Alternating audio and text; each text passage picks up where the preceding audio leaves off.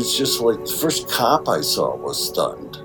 He was coming from there, you know what I mean? Just he was just coded and didn't know what to do, and it was the cop. You, you know what I mean? And at that point, you realize if the cop is stunned, there's something weird going on here.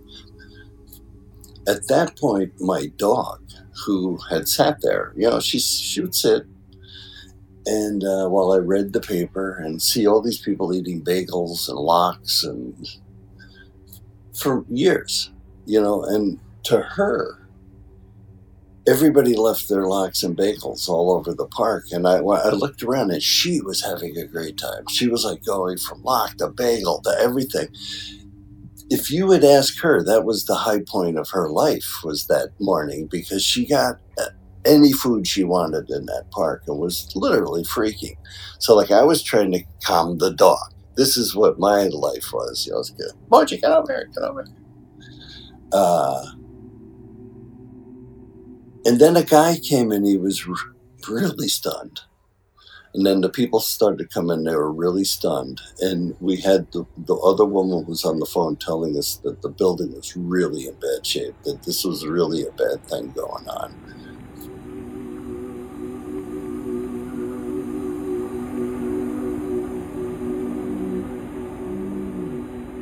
Og så tændte jeg for tv og kiggede på CNN, og der sagde de, at der var et fly, der var fløjet ind i det ene tårn, og at de troede, det var et privatfly, og der muligvis var en pilot, der havde fået et hjerteanfald ved styrepinden. Og tænkte jeg, det var da forfærdeligt, men, men det kan jo ske. Øhm, og så, så ventede jeg sådan set bare. Øh, jeg kunne høre nogen, der skreg. Jeg vidste ikke, hvad det var, men det har jeg senere regnet ud. Det var nok folk, der faldt ned fra tårnene. Um, we couldn't really figure out what had happened. It, everyone who was in the subway thought there had been a bomb blast in the subway station itself. So we were trying to get away from the subway. And you have to go up the stairs to get out of the underground. So we went up the stairs and then out the building. And when I got out, there was just dust and rubble everywhere and very smoky and panic, chaos, people running. You couldn't see the building because I was too close to it. I crossed the street and then when I looked up, there was enough of an angle to see. And I saw a lot of debris falling from the sky. And then one of the most shocking things was I saw a body falling from the sky. It fell on a taxi cab that was parked next to the World Trade Center. And the, the taxi cab was flattened by the impact of this body falling. I never pictured that a taxi cab would get flattened by the weight of a body. Og jeg kan huske, at jeg øh, bliver ringet op af en forlægger, som beder mig om at tage hen og tjekke, at hans barn, som de bor lige i nærheden af os, om, og tjekke, om, om barnet er okay. Men før jeg gør det, øh, går jeg ud i haven, og så ser jeg det der æderkoppespind igen. Og nu er det helt indhyllet i støv. Og rundt omkring i haven der ligger der stumper af papir. Fordi røgen gik lige direkte mod Brooklyn. Så da jeg går ud for at tjekke, at den her, øh, hans barn er okay, så er der røg, og der er papirstykker, og folk er, altså, vi ved ikke, hvad fanden der sker. Er der flere fly? Øh, kommer de, altså, hvor, hvor, hvor falder det næste fly? Ingen ved, hvad fanden der sker. Hvad er Generation 9-11? Altså, hvad, hvad, hvad er det for et begreb? Det er også et begreb, som jeg, som jeg øh, fandt på for at beskrive den generation af afghanere, som er formet ikke primært af Taliban-regimet, som er jo tit i Vesten ser, altså i Vesten ser man tit Afghanistan som værende den her modsætning mellem Taliban og frihed, og Taliban og kvinderettigheder, og Taliban og økonomisk vækst osv. Og det er der også en vis sandhed i, men, men Taliban-regimet var kun ved magten i, i under seks år, og krigen har nu varet i 20 år. Så der er en hel generation af afghanere, som er meget mere defineret af, af den amerikansk ledede invasion, og det øh, de organer, der var min alder og lidt yngre. Hvis vi spoler tiden tilbage til 2001, så tror jeg, at det var den generation, som man i Vesten håbede kunne komme til at leve liv i mere frihed og, og fordragelighed end, end deres forældres generation. Og det har så viser ikke at være tilfældet. Øh, så det her det er en generation, som aldrig har kendt andet end krig. De har aldrig nogensinde kendt til fred i deres land. Håbet om frihed og håbet om fred, som så for mange vedkommende er, er forblevet en, en drøm. Ikke?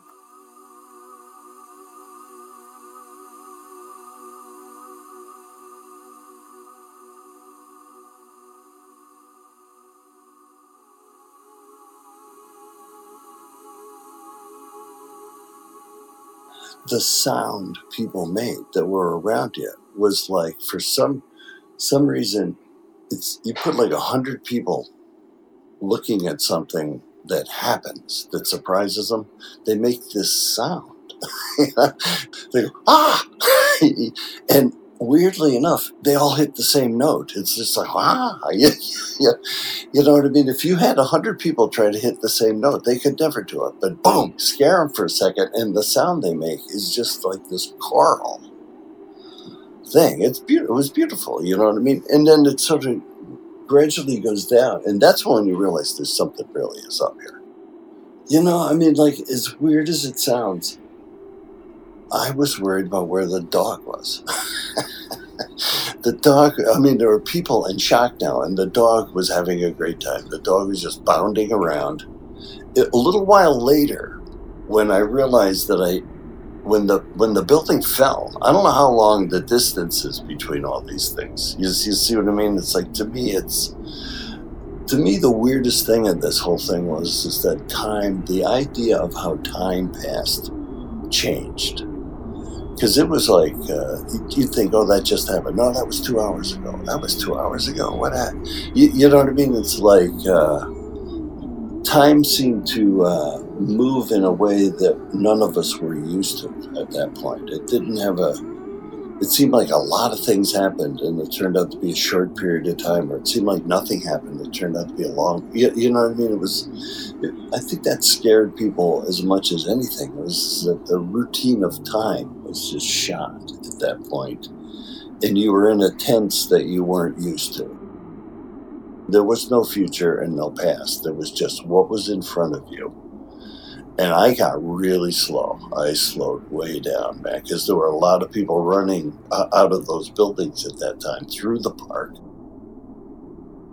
Jeg kender en politimand, der, jeg ved ikke hvorfor, men han fortæller mig en gang, at, øh, at det, de var bange for i NYPD, det var faktisk, at man ville sejle en båd forbi her. Vi ligger lige ud til vandet, ud til Hudson River, at man ville sejle en båd forbi med giftgas, der så kunne komme ind over kvarteret og de var bange for, at vi døde 30.000. Jeg ved ikke, hvorfor han fortalte mig det, men det huskede jeg selvfølgelig lige med det samme der.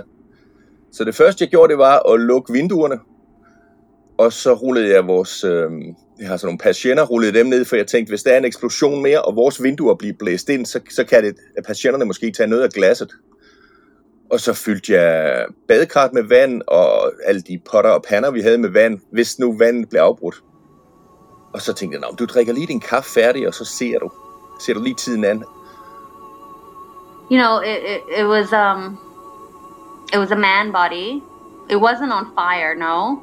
I don't remember black or white or what. I just remember the collapse and the smashing of the car. I remember windows smashing, a lot of debris everywhere. I don't know why windows were smashing. I just have a remembrance of that. And everyone was just running, running, screaming. Now, in that situation, I don't know why I thought of, uh, I decided I needed to go back into this building and get in the train to get back home. So I made the decision I'm not going to go to work. I tried to call my boss, he didn't answer. I tried to call my dad, I couldn't get through. Uh, I tried to call a friend, some really chaotic decision making, trying to figure out what's going on. And then I went back into the building um, back down into the subway and got into the subway, which was open. Um, and but the train wasn't moving, and so I was sitting there in a panic. And there were some passengers around me, including a mom with a little kid in a stroller. And everyone who hadn't gotten out, I mean, everyone else in the train was just waiting for the next stop. They didn't know what was going on outside. So they weren't panicking, but I had seen all of this craziness. So I was kind of in a panic. Um, and I, I, remember, I think I sat there for a couple of minutes. And then eventually the, the, the subway door closed, and there was an announcement that this is the last train. It's going to leave the World Trade Center. And we pulled out.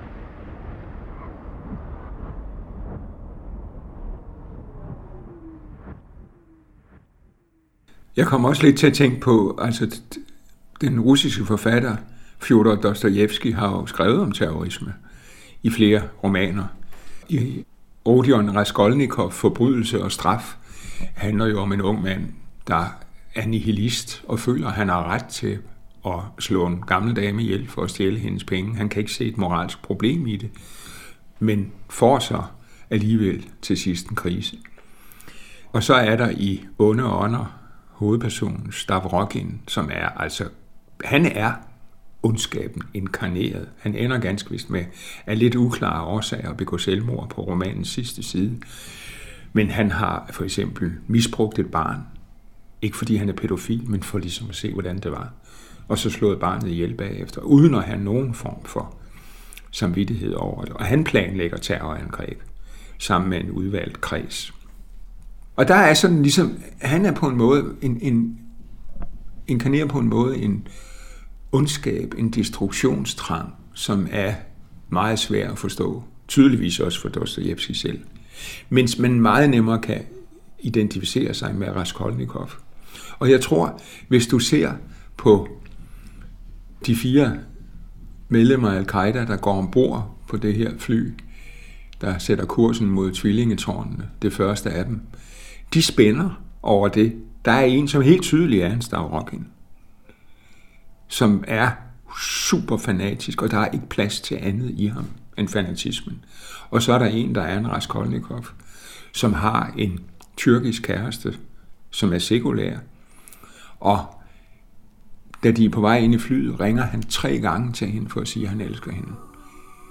Og det passer jo ikke helt med billedet af en terrorist. Der er plads til andet, ligesom der var i Raskolnikov. Og så er der også plads til en konflikt og en indre krise. Og jeg går igennem Park Slope, som ellers er sådan et cute Brooklyn neighborhood, og lige pludselig ligner det sådan en, en krigszone. Det er helt uvirkeligt. Så da jeg bliver ringet op af en dansk journalist, Camilla Gregersen, som er 24 timer i New York, da det her sker, hun ringer og siger til mig, hey, jeg har fået dit nummer af vores veninde, fælles veninde, Kirsten. Vil du være med til at dække det her for DR? Der springer jeg på lige med det samme, fordi så, så kan jeg håndtere det. Så, så bliver det noget, jeg skal ind og dække. Og så får vi James til at være kameramand. Og James og jeg tager det sidste tog, subway-tog fra Brooklyn til Manhattan.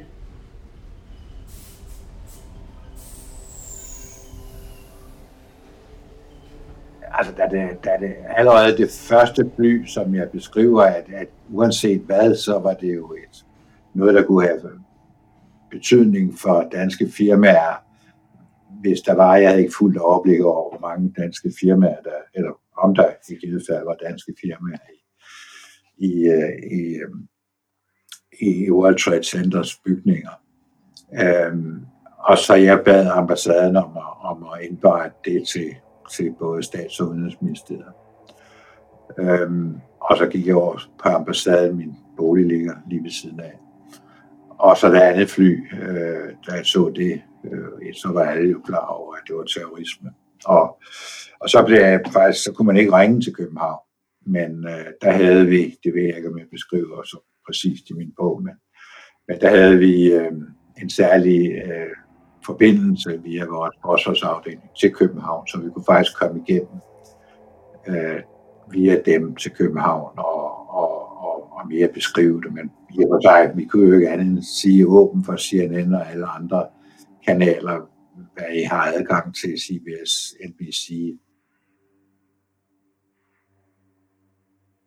Jeg tror jo, at hvis du går ind i den enkelte unge mand, så er der mange motiver men hvis du for eksempel ser på øh, de fire unge mænd, der fløj et af flyene ind i tvillingetårnene i New York, de var jo alle sammen vokset op i Vesten. De var jo netop ikke sådan, hvad skal vi sige, autentiske eller originale, hverken araber eller noget andet. De havde levet i Vesten, de var blevet udsat for påvirkningerne fra Vesten. Og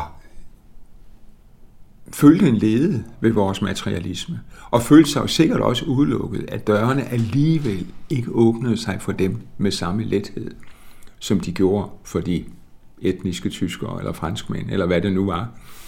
Der ligger også i meget høj grad en identitetskrise. Det at have en følelse af ikke at høre til nogle steder. Du hører ikke rigtigt til i det land, du vokser op. Du hører heller ikke rigtigt til i det land, dine forældre kommer fra. Du har en svært håndterbar kultur. Altså, du går jo ikke rundt i gaderne iført en arabiske eller afghanske gevanter. Du går rundt i Nike-sko og jeans og med en baseball-kasket. Og alligevel er du ikke det, du går rundt i. Du er en, en mærkelig, forvirrende blanding af identiteter. Det oplever du så som en krise, som du så kan vælge dig ud af ved at blive radikaliseret. Ved at få en identitet, som er entydig, men og, skaber fællesskab. Og en følelse af at have plads i historien eller religionen. And then she said, but I think it's going to work out. Uh, because I see a water plane coming. You know, in her mind, the other, the second plane, in her mind was somebody coming with a water plane and they were going to squirt out the fire on the building. And she and she said, "Here it comes," and it went, you know, right over her. Banked the turn and came back and hit the second one. And she, everybody freaked, but she freaked.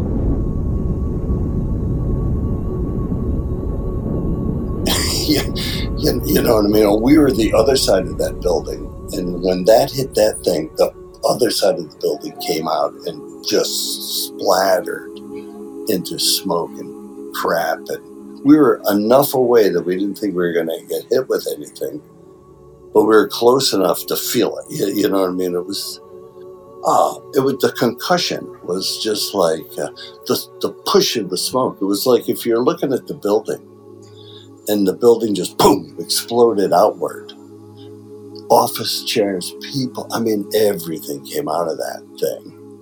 You, you, you, know what I mean? It's like boom, the side of the building flies out. You know, a lot of stuff flies out in the the dust, and uh, there's just so much crap in that dust. But it flew out, and and the papers would cut through it with the light off the paper and it would take a while for it to come and it was just like wow. And the, it was the most beautiful weather day. And the sun would hit the paper and it would just glitter. It was just the most beautiful scenes you were seeing that were filled with horror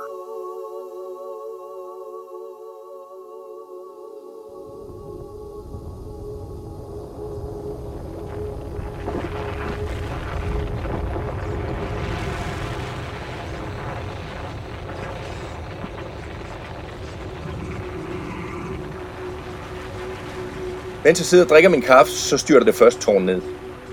Og det kunne jeg ikke se, fordi jeg havde patienterne rullet ned, men jeg kunne høre det.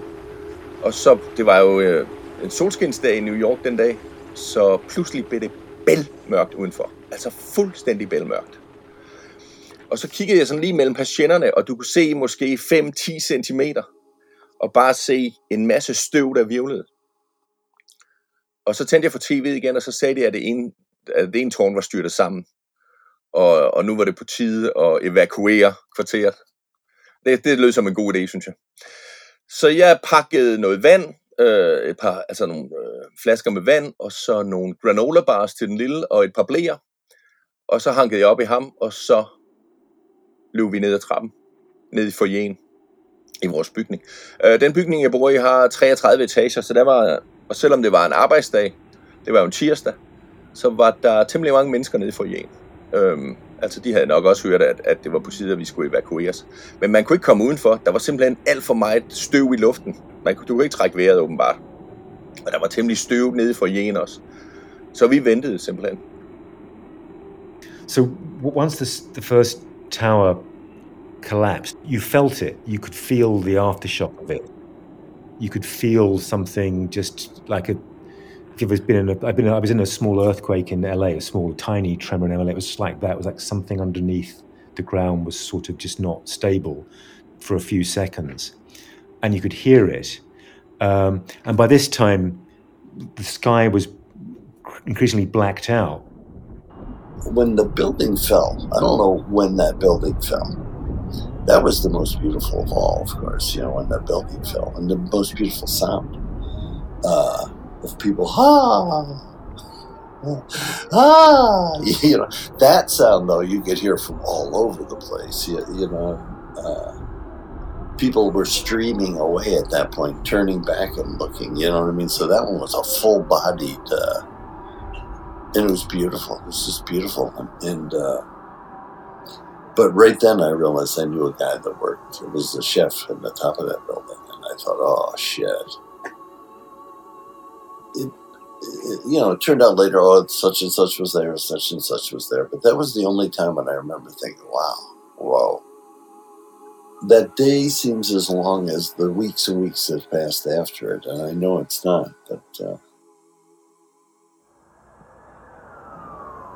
Altså, du ved, vi ser mennesker, der kommer dernede fra, som er øh, indhyllet i støv, og øh, vi interviewer nogle mennesker. Vi får ikke lov, vi går ned forbi 14th Street, ned mod Tribeca, men på et eller andet tidspunkt, der bliver vi afskåret fra at komme tættere på.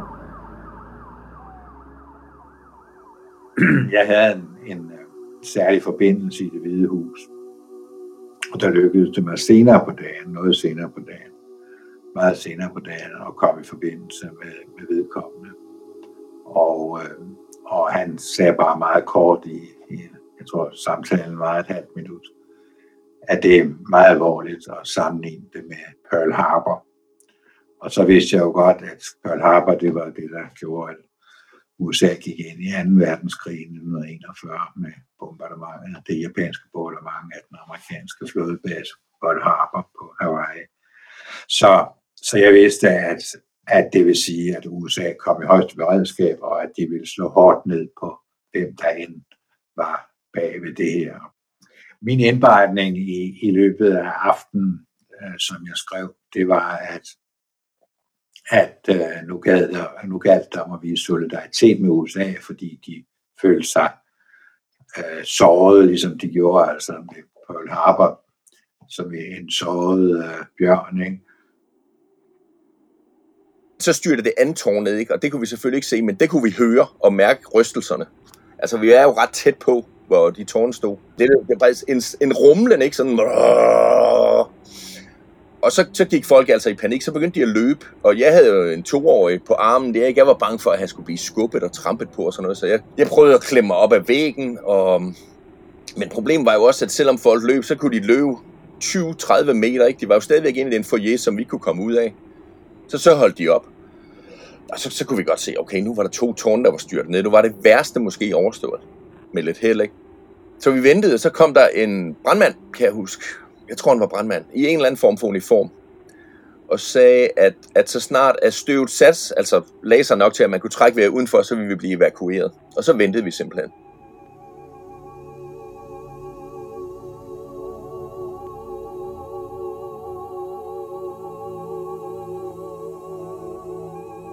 And some of the imagery, you know, that you, I'm sure you've seen in photographs, and you saw it for real. You know, you saw these things.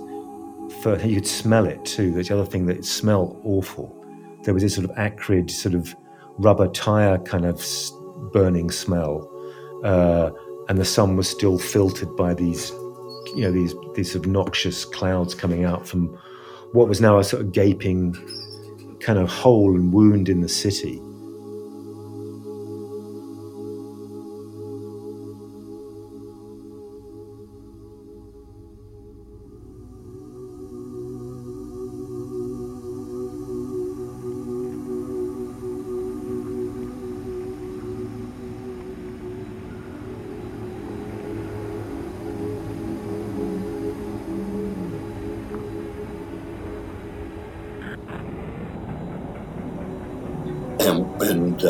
I was with these two Chinese guys that ran a key shop making keys, and they had been there when uh, the bomb happened.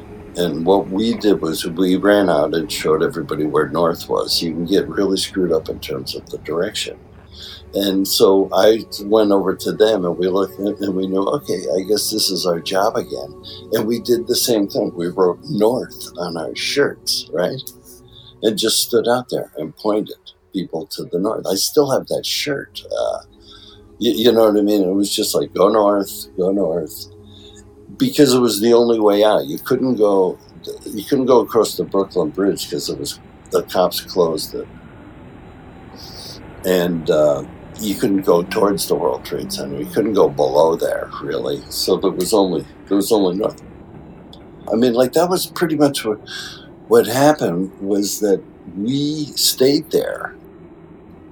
The cops eventually got there. You, you know what I mean? It took the cops a while to actually get to that site.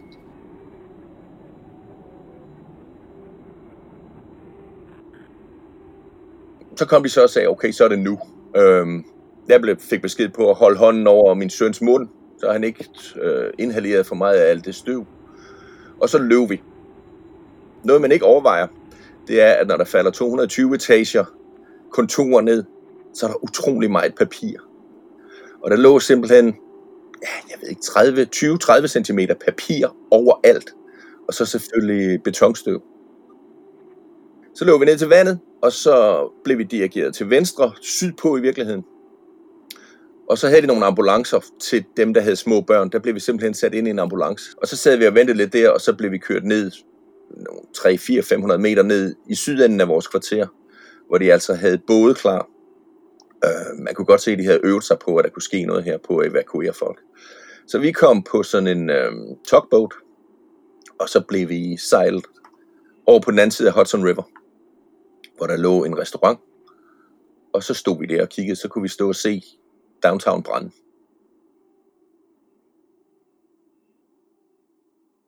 Det fjerde fly var på vej til et andet sted i, i Washington. Og der har så været diskussion om det hvide hus eller kongressen. Men der sker så det, at besætningen og passagererne, de overmander flykameraerne, og, og ved godt i den forbindelse, at så går flyet ud af kontrol, ikke? Og, og styrter ned i Pennsylvania, ikke? og alle bliver dræbt. Men det var en meget heroisk indsats. Hvis flyet var kommet igennem, så øh, var der så sket det, at det nok stadigvæk ikke var med ind i kongressen, fordi i timerne efter, kort tid efter, eller i minutterne efter det andet øh, flyangreb, så øh, bliver vicepræsidenten øh, beordret ned i den atomsikrede kælder under det hvide hus. Og i det præsidenten er i Florida, så præsidenten er ikke i Washington. Øh, så det var vicepræsidenten, der var i, kan man sige, command i, ikke i formel henseende, men i, i det hvide hus. Så han, det var vigtigt at få ham beskyttet, så han kommer ned, og det sidste han gør, før han øh, tager elevatoren øh, langt ned under det hvide hus, det er at underskrive et dekret om, at hvis der nærmer sig et fly, så skal det skydes ned.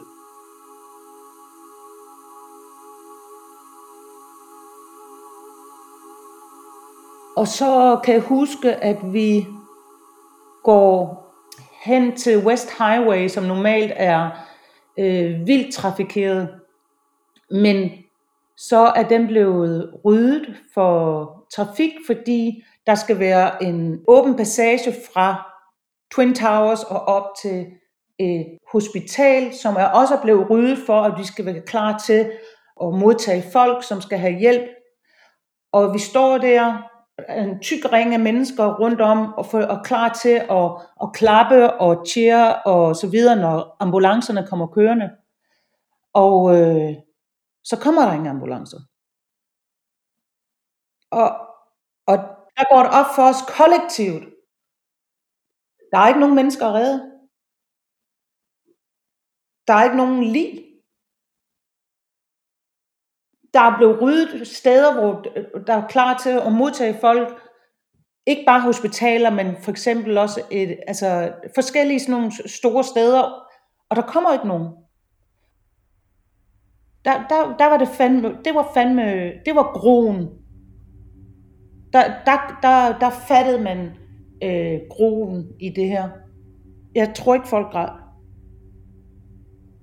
Det er ikke, hvad jeg kan huske. Det var bare, bare sådan en, en kollektiv, stille, okay. I went back to my apartment and my uh, my window had been open, facing west. Uh, and my computer desk was covered with this dust and stuff that had come in the window because I had the window open. And so I bagged it up. I, I still have it. I bagged it up uh, to clean it. And uh, I was going to throw it in the garbage. And my wife said to me, uh, What's in that? I said, It's the dust.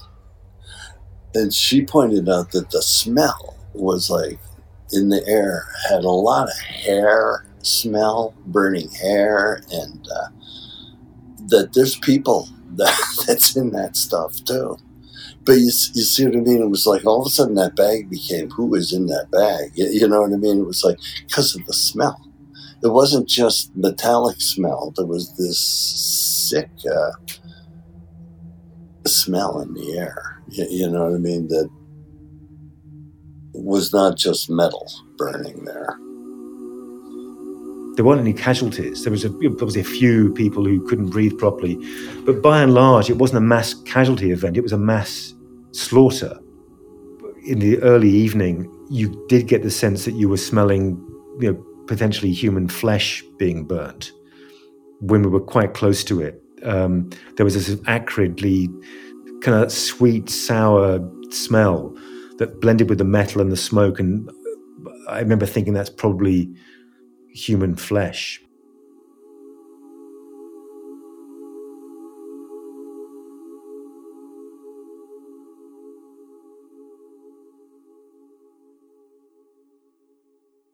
Du har lyttet til andet afsnit af serien Da tårnene faldt. Hvis du vil se teaterstykket, der er baseret på de her optagelser, så hedder det Terror is Me og spiller på Odense Teater fra 11. september til 1. oktober. Serien er lavet for Odense Teater af People's Productions, lyddesignet af Kim G. Hansen og tilrettelagt, optaget og klippet af mig, og jeg hedder Sigurd Hartkorn Pletner. Tak, fordi du lytter med.